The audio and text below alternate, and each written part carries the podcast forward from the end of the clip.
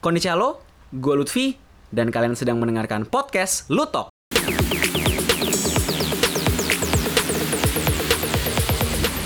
Dan di episode podcast ke-23 alias podcast season 2 episode 10 ini, gue mengucapkan banyak terima kasih ya untuk kalian yang sudah memfollow podcastnya Lutok di Spotify dan juga di Apple Podcast ya. Dan juga eh, dengerin terus ya eh, podcast Lutok ini setiap minggunya juga ya di platform podcast favorit kalian. Jangan lupa juga buat nge-like Facebooknya di Lutfiworks dan jangan lupa juga di Instagramnya boleh di follow ya Instagram gue di @lutfisuryanda dan juga @lutfiworks underscore 95 tentunya. Langsung aja gue bahas eh, podcast di episode ke-23 ini dengan membahas sebuah boy band besar di Jepang ya yang bernama Arashi. Bagi kamu nih ya yang mungkin generasi-generasi rada-rada jadul ya, generasi-generasi dorama ya dan juga anime zaman-zaman dulu nih ya. Ini pasti sudah akrab banget sama yang namanya boy band ini ya. Arashi ini kayaknya udah akrab banget gitu di telinga kalian gitu loh ya kan. Tapi buat kamu yang generasi zaman sekarang nih ya ya kan, buat kamu yang belum tahu Arashi ini, gue jelasin ya Arashi ini apa ya.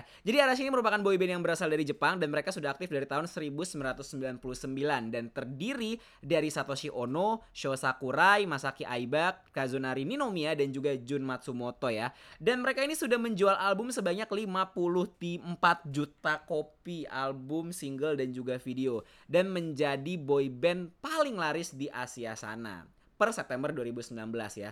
Dan Arashi ini tergabung di dalam sebuah manajemen ya. Manajemen ini bernama Janis Entertainment dan Janis Entertainment ini benar-benar ini kalau misalnya ada yang belum tahu juga ya, gue sedikit menjelaskan tentang Janis Entertainment sendiri ya. Eh, Janis and Associates sih sebenarnya nama agensinya ya. Jadi Jani and Associates ini merupakan sebuah eh, agensi ya, talent agensi ya, yang terkenal banget di Jepang karena merupakan salah satu agensi tertua di Jepang. Ini didirikan oleh seseorang bernama Joni Kitagawa. Joni Kitagawa sendiri ini eh, yang kemarin sempat eh, yang kemarin udah meninggal juga ya pada 9 Juli 2019 kemarin di usianya 87 tahun, mendirikan Janis Enter Janis and Associates ini di tahun 62. Jadi udah 57 tahun yang lalu ya kayak gila banget coy 57 tahun yang lalu gitu. Dia udah bikin agensi dan bikin banyak banget boyband dan salah satunya Arashi ini. Dan kalau misalnya di Jepangan gitu ya denger kata-kata boyband Janis gitu ya ibarat kata tuh udah kayak wah news kartun terus juga banyak kiss my fit me bener gak sih pronansia mungkin mudah-mudahan bener ya. Terus sekarang juga eh, Kings and Princess. Wah pokoknya banyak. Pokoknya dia tuh udah udah pencetak boyband laris lah kalau misalnya boybandnya rilis single atau albumnya oh pasti nomor satu di Jepang gitu kan. Kayak udah kalah yang lainnya gitu loh. Karena memang si Janis ini nih punya pengaruh yang besar banget. Wah gila-gilaan banget deh. Pokoknya sampai mereka Pokoknya mereka tuh udah sering tampil di TV nasional Sering udah Kohaku Tagasen mah kayak mereka mah ya udahlah kayak udah ah ya udahlah udah kayak udah kayak ini kali ya udah kayak keluar masuk keluar masuk rumah kali ya ya kan? Masuk ke Kohaku Tagasen. Pokoknya mereka udah sering banget perform di TV TV oh, eh, kalau mereka konser tuh wah udah, banyak yang nonton sampai orang kehabisan tiket dan penjualan album terbaru mereka nih ya Arashi ya. Eh, the best mereka sebelum mereka vakum di tahun 2020 nanti 5 kali 20 ya gue nggak bisa bahasa Jepangnya sih eh, ribet ya udah 5 kali 20 aja ya. Itu udah terjual hampir 2 juta kopi padahal 4 CD coy. Gile gitu kan.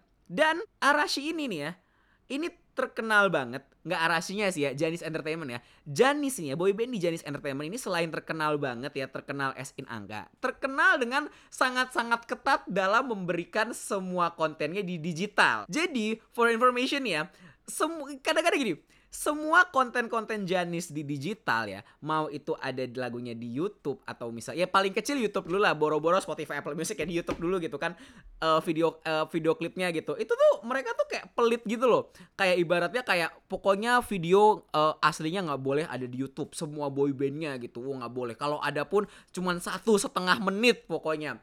Kayak dan ini menjadi sebuah permasalahan gitu kan. Waktu itu eh, udah pernah dibahas di podcast gue episode pertama banget kenapa CD musik itu akan mematikan musik Jepang sendiri waktu itu pernah gua bahas. Karena si orang-orang Jepang ini terlena dengan penjualan CD ya mereka tuh lupa kalau misalnya ada pasar internasional yang harusnya dicaplok agar mereka bisa mengalahkan ya bukan mengalahkan lah ya agar mereka bisa seimbang dengan K-pop gitu ya kan yang ibarat kata K-pop rilis udah MV-nya dulu uh, video klipnya dulu albumnya mah ya nanti aja lah gitu loh ya kan. Nggak kayak gitu gitu. Dan salah satu pelaku yang terlena dengan CD ini tentunya adalah boyband Janis Entertainment dan salah satunya adalah Arashi. Seperti yang kita ta tahu ya, Arashi itu kan kayak sebelum-sebelumnya kayak ya ampun boro-boro lu lihat nonton video klipnya lu harus gali forum dulu sampai 20 halaman lu baru ketemu video video klipnya. Wah, apalagi zaman dulu nyari lag, apa nyari uh, video klip Love So Sweet itu udah kayak udah kayak nyari harta karun coy, udah kayak nyari tum, jarum tumpukan jerami harus nyari forum A, forum B. Ya linknya mati, forum C, ya harus daftar, daftarnya limited oh, forum D. Oh, pokoknya udah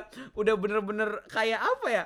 Kayak nyari barang SSR gitu kayak nyari barang langka gitu waktu zaman dulu gitu ya kan? Saking mereka strict banget nggak mau uh, buka kontennya untuk digital gitu. Dan waktu itu ada yang kocak dan waktu itu kalau misalnya berbicara soal Jani sendiri itu ada yang kocak sih menurut gua. Waktu itu kan uh, salah satu personilnya dari boybandnya Janis Entertainment ya itu kan main di film Full Metal Alchemist ya. Full Metal Alchemist yang live action. Full Metal Alchemist live action itu kan ditayang di Netflix. Ya maaf maaf nih ini kan Netflix kan platform global ya ya kan gue nggak tahu apa yang ada di otak agensi mereka gue nggak tahu apa yang ada di pikiran Janis Entertainment ya. Jadi pemeran utamanya yang jadi Edward Erlichnya itu karena dari Janis Entertainment dan Janis Entertainment itu sangat-sangat ketat dalam kontennya termasuk foto ya. Jadi foto artisnya tuh kayak nggak boleh dipasang di internet gitu loh. Jadi kayak foto-foto promotional shoot itu nggak boleh ada di internet selain situsnya Janis gitu ya kan. Jadi waktu itu yang jadi Edward Erlich ya itu disensor jadi nggak boleh tuh. Ada jadi di poster di poster untuk uh, internasionalnya di poster untuk untuk mana pun gitu kan. Gue nggak tahu gue lupa either itu internasional atau Jepangnya. Di poster film Full Metal Alchemist live action ya itu tidak boleh dipampang mukanya itu personil uh, boyband Janis ya yang jadi Edward Eric. Jadi ibarat kata lu ada Full Metal Alchemist tapi nggak ada muka Edward Eric. Coy maaf maaf nih. Iya kan? Ibarat kata itu sama aja lu masang judul Naruto, ya kan? Tapi nggak ada Naruto, cuman Sasuke sama Sakura, ya kan? Itu udah nggak make sense ya kan? Sama aja kayak misalnya nih Hiro Aka nih ya. Lu masang lu masang uh, Hiro Aka gitu. Tapi lu nggak ada Deku atau nggak ada Bakugo kayak dude gitu loh. Eh, kayak gitu persis gitu ya kan? Di mana mana Fullmetal Alchemist itu cerita tentang Edward Eric dan Alphonse Eric ya kan Edward Egg kagak ada di poster. Nah, itu kan udah udah dan itu Pak dan, dan itu tayang di Netflix lebih gilanya lagi, coy. Gara-gara itu fans dunia tuh ketawa kayak lah gila lu lu Full Metal Alchemist kagak ada foto Edward Eric kan nggak lucu pak kan akhirnya membuat fans Jepang sama fans internasional tuh marah sampai bilang ini ini agensi konyol ya agensi agensi agensi agensi bego ya dibilang kayak gitu gitu loh sampai ada yang bilang gitu para netizen netizen internasional karena ya seketat itu mereka gitu. Tapi semuanya berubah coy. Apalagi khususnya Arashi gitu kan. Jadi nggak ada angin, nggak ada hujan, nggak ada announcement ya. Tiba-tiba sekitaran dua minggu lalu, lima lagu Arashi full version diupload di YouTube. Macem-macem yang diupload tuh Love So Sweet terus lagu Arashi Arashi gitu kan. Lima lagunya diupload di YouTube coy. Dan itu ya itu legal dari channelnya Arashi yang dari Janis Entertainment. Gila. Wah udah kayak udah udah udah kayak gitu udah. Fansnya udah oh, fans Arashi udah kayak kesurupan gitu ya kan. Dan bukan hanya fans Jepang doang loh yang merasa seneng loh. Fans dunia juga seneng gitu loh. Sampai waktu itu saking senengnya topik Arashi ada di YouTube tuh sampai uh, masuk di trending topiknya Twitter ya kan? Itu udah itu head to head sama boyband Korea gitu. Jadi mereka nih yang udah udah para opa-opa ya, opa-opa versi Jepang yang sudah berumur-umur ini gitu kan, tiba-tiba jadi trending topik lagi di dunia gitu ya kan. Dan uh, sampai uh, podcast ini dibuat tanggal 27 Oktober 2019, Arashi sudah mendapatkan 1,76 subscriber dan video klip mereka sudah ditonton sebanyak 41 juta kali di YouTube.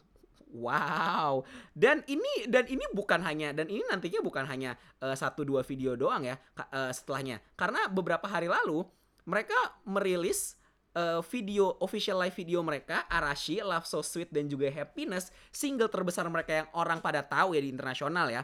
Itu live-nya mereka upload juga coy. Kayak gile gitu ya kan ada apa gerangan gitu loh ya kan kayak ini Janis Entertainment kesambet apa sih kesambet kesurupan apa gitu sampai lagu-lagu Arashi yang kita tahu ya kalau kita cari di forum itu ribet banget sampai harus nyari dalam banget video klipnya sekarang udah bisa didengerin di loop gitu loh. Dan komennya tuh pertama-tama tuh bukan komen orang Jepang, coy. Komen orang Australia, komen orang uh, Mesir, ya Asia wajar lah ya, komen orang Korea, terus komen orang sampai ada komen orang dari benua Afrika. Gila gitu loh, Arashi ini impactnya sampai segitunya gitu. Karena mereka pinter sih kalau menurut gue kayak mereka tuh membuat scarcity dulu sih kayak ibarat kata kayak nih gue bikin barang rare dulu gitu pokoknya hanya di Jepang doang gitu ketika tiba di ketika ketika mereka push di global ketika mereka rilis di global wah udah langsung kayak orang kesetanan gitu kan tapi kenapa sih uh, tiba-tiba ya nggak ada angin nggak ada hujan nih. Arashi ini tiba-tiba ingin merilis uh, beberapa videonya ke platform YouTube dan juga ini bukan YouTube doang ya, tapi ada di Spotify juga dan ada di Apple Music juga meskipun masih di region lock ya. Tapi kalau misalnya itu sudah masuk YouTube ya udahlah ya, lu juga udah bisa dengerin juga gitu ya kan. Ini kenapa gitu? Selain dari selain mungkin karena katanya sih ya katanya ya mereka ingin mempromo uh, mereka mengupload uh, banyak video karena ingin mempromosikan uh, video apa album video mereka, album DVD mereka yang berjudul 5 kali 20 itu ya kan yang bersih video klip mereka ya kan. Itu satu katanya. Terus yang kedua adalah ini sekalian lah parting gift gitu sebelum mereka hiatus dalam waktu lama gitu ya kan. Ya mudah-mudahan hiatus sih nggak bubar juga sih ya kan.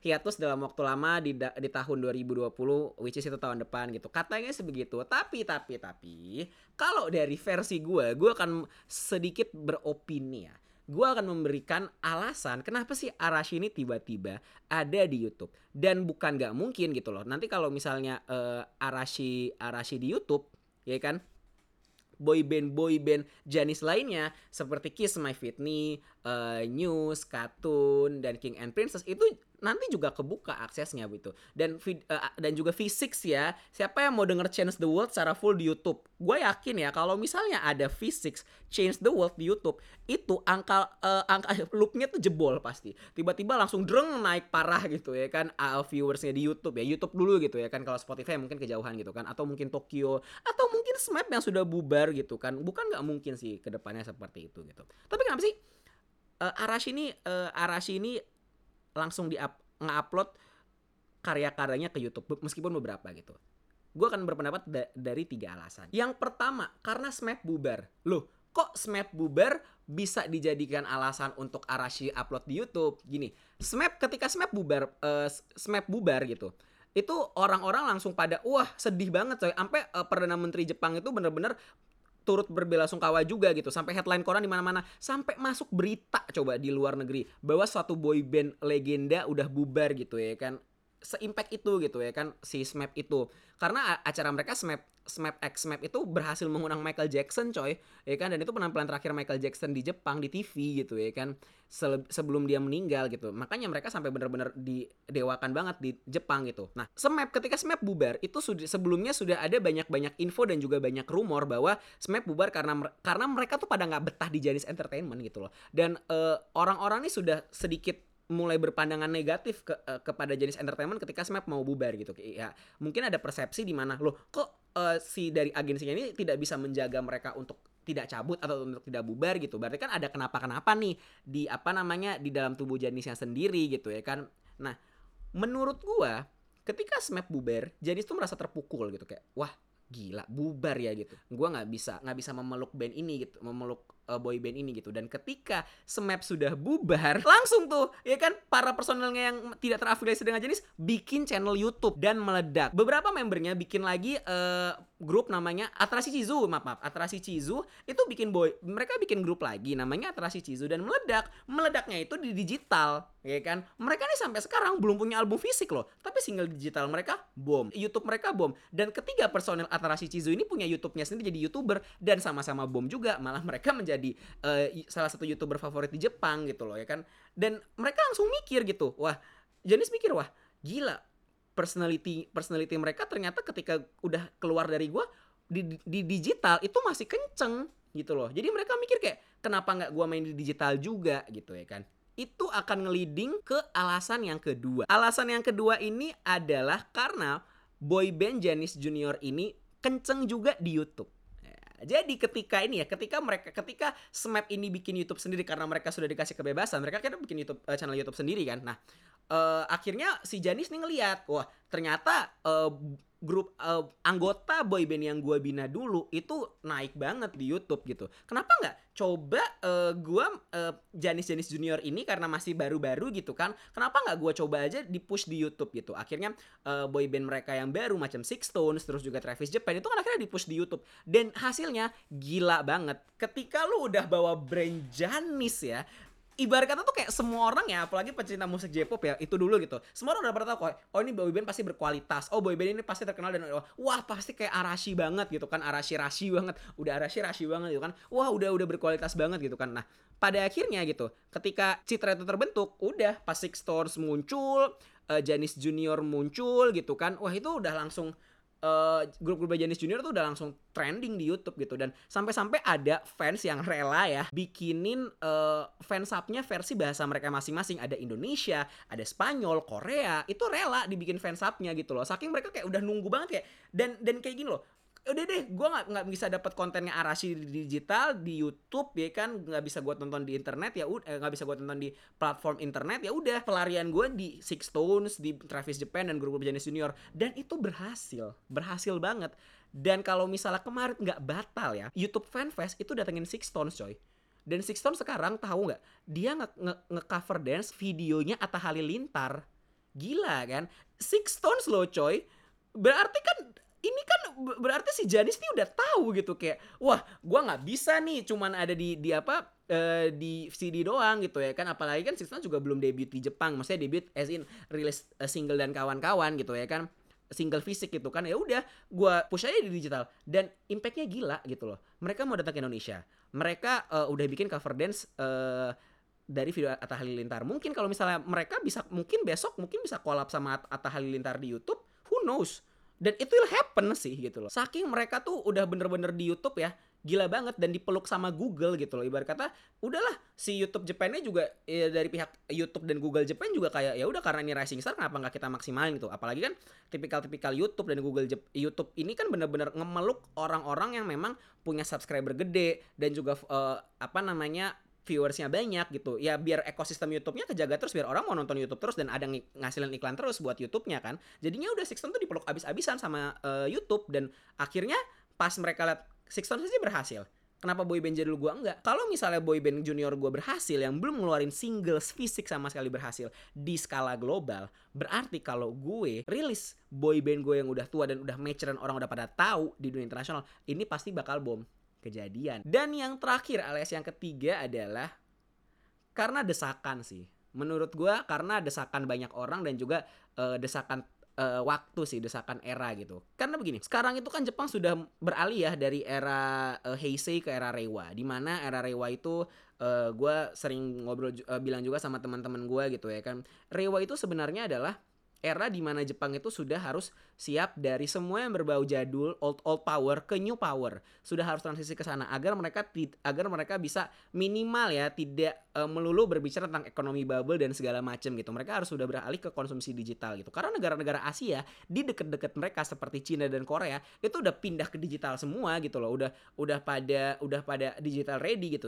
Sedangkan Jepang ini enggak gitu loh. Ya kan? Ibarat kata uh, Korea wah udah boybandnya udah terkenal uh, dari YouTube udah viewsnya udah sampai jebol kali ya udah sampai mau satu miliar gitu kan dengan Gangnam Style ya pertama kali terus juga dengan uh, eh, BTS-nya yang udah sampai uh, konser di keliling dunia gitu kan even mengalahkan Jepang sendiri gitu ya kan. Uh, terus juga lagu-lagu Jepang juga banyak juga kan uh, udah ada di Spotify banyak artis-artis Jepang yang tua tua-tua akhirnya mau membuka diri ke streaming music dan juga ke YouTube Music ya kan pada mau membuka dirinya gitu loh. Nah kalau misalnya nih ya Jani sendiri itu tidak berkembang ya. Jenis asosiasi tidak berkembang gitu ya kan. Mereka pasti akan kalah dengan artis digital yang sekarang udah kencang banget. Kayak sekarang anak mudanya udah pada tahu Aimyon daripada boy band gitu loh ya kan. Uh, mereka udah pada tahu Twice daripada uh, boy band yang binaan Janis gitu ya kan. Udah udah seperti impact gitu ya kan. Karena mereka sendiri kan masih berharap zaman dulu kan masih berharap penjualan CD banget gitu ya kan. Oh CD bisa membantu karena kan CD popularitas udah sekarang udah nggak bisa gitu loh ya kan. Dan dorama ya nggak cukup gitu loh jangan cuma penampilan dorama gitu. Kalau misal penampilan dorama doang tapi nggak diekspor karya artisnya ke seluruh dunia ya ya sama aja bohong gitu loh menurut gue gitu. Akhirnya karena desakan zaman terus juga uh, banyak artis-artis Jepang yang udah pada ada di Spotify Apple Music dan YouTube akhirnya mereka ya udah gitu loh mereka membuka diri pelan-pelan gitu loh. Pertamanya mungkin dengan Janis Junior dulu buat case gitu kan buat buat tes gitu kan dan akhirnya ujung-ujungnya sekarang Arashi ya kan? Dan bukan nggak mungkin sih. Mungkin setahun lagi atau misalnya beberapa tahun lagi ketika Arashi udah vakum semua video Arashi mungkin ada di YouTube. Apalagi apalagi nih ya di Jepang sendiri YouTube Jepang itu nge-push banget Arashi gitu loh ya kan? Karena ketika lihat mungkin lihat trafficnya kayak di global wah ini kencang juga gitu ya kan? Sampai viral gitu kan? Ya udah gitu sikat. Tapi akhirnya gue mikir gitu ya kan? Semua ini tuh kayaknya nunggu satu orang yang bernama Joni Kitagawa nih untuk meninggal dulu gitu loh semua breakthrough semua teknologi ini gitu kan. Itu kayak harus nunggu satu orang ya sampai ada joke di internet gitu kan sampai joke di forum internasional bilang wah kita harus nunggu Joni kita gawa mati ya biar um, jangan mati kasar banget ya. Meninggal gitu ya kan baru bisa tuh uh, video-video Arashi bisa ada di YouTube dan uh, mereka terbuka dengan konten digital mereka menaruh konten digital uh, mereka menaruh konten mereka video klip foto di internet dan di YouTube. Ya mungkin memang Arashi ini sebagai mark sih sebagai mungkin sebagai suatu pertanda bahwa Jepang ini sekarang dari segi konten entertainmentnya udah merasa kalah dengan Korea of course gitu kan. Mereka harus udah bisa shifting mereka harus bisa dari kekuatan lama dari old power ya tipikal-tipikal uh, orang-orang yang otaknya ya seperti Johnny Kitagawa ke orang-orang new power yang otaknya masih fresh meskipun Janis ya ada restriksi Jepangnya masih gitu ya. Cuman at least lebih fresh sedikit gitu ya kan. Ya kalau misalnya YouTube fanfestnya ada lagi Six Stones dibawa lagi bisa jadi Six Stones ngomong Asia bareng-bareng. Kita nggak ada yang tahu coy gitu. Dan menurut gue ini menjadi sebuah penanda yang seru sih untuk untuk Jepang karena Jepang ini sekarang ini ada di dalam masa transisi yang gila banget gitu loh. Dari yang semua CD ini bisa ke digital semua. Cuman apakah mereka akan mengalahkan hegemoni Korea? Iya kan?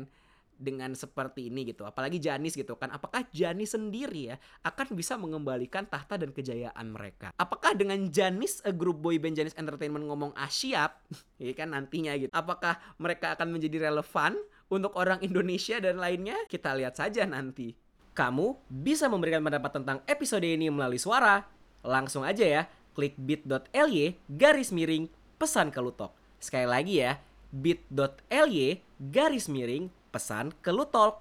Pesan yang menarik bakal muncul di episode podcast Lutok berikutnya. Kalau kamu suka podcast Lutok, jangan lupa untuk memberikan donasimu ke platform apresiasi kreator Karya Karsa di karyakarsa.com garis miring Lutfi Suryanda. Sekali lagi ya, di karyakarsa.com garis miring Lutfi Suryanda. Mulai dari ribu rupiah aja, kamu bisa membantu podcast ini untuk membuat konten yang lebih baik buatmu. Terima kasih telah mendengarkan podcast Lutok. Follow atau subscribe podcast ini di platform podcast favoritmu. Jangan lupa juga untuk follow Instagram Lutfiworks di @lutfiworks underscore 95, Twitter di @lutfikentweet, dan jangan lupa buat like FB-nya yang namanya Lutfiworks. Gue Lutfi, sampai bertemu di episode podcast berikutnya. Plus Ultra, sayo dadah!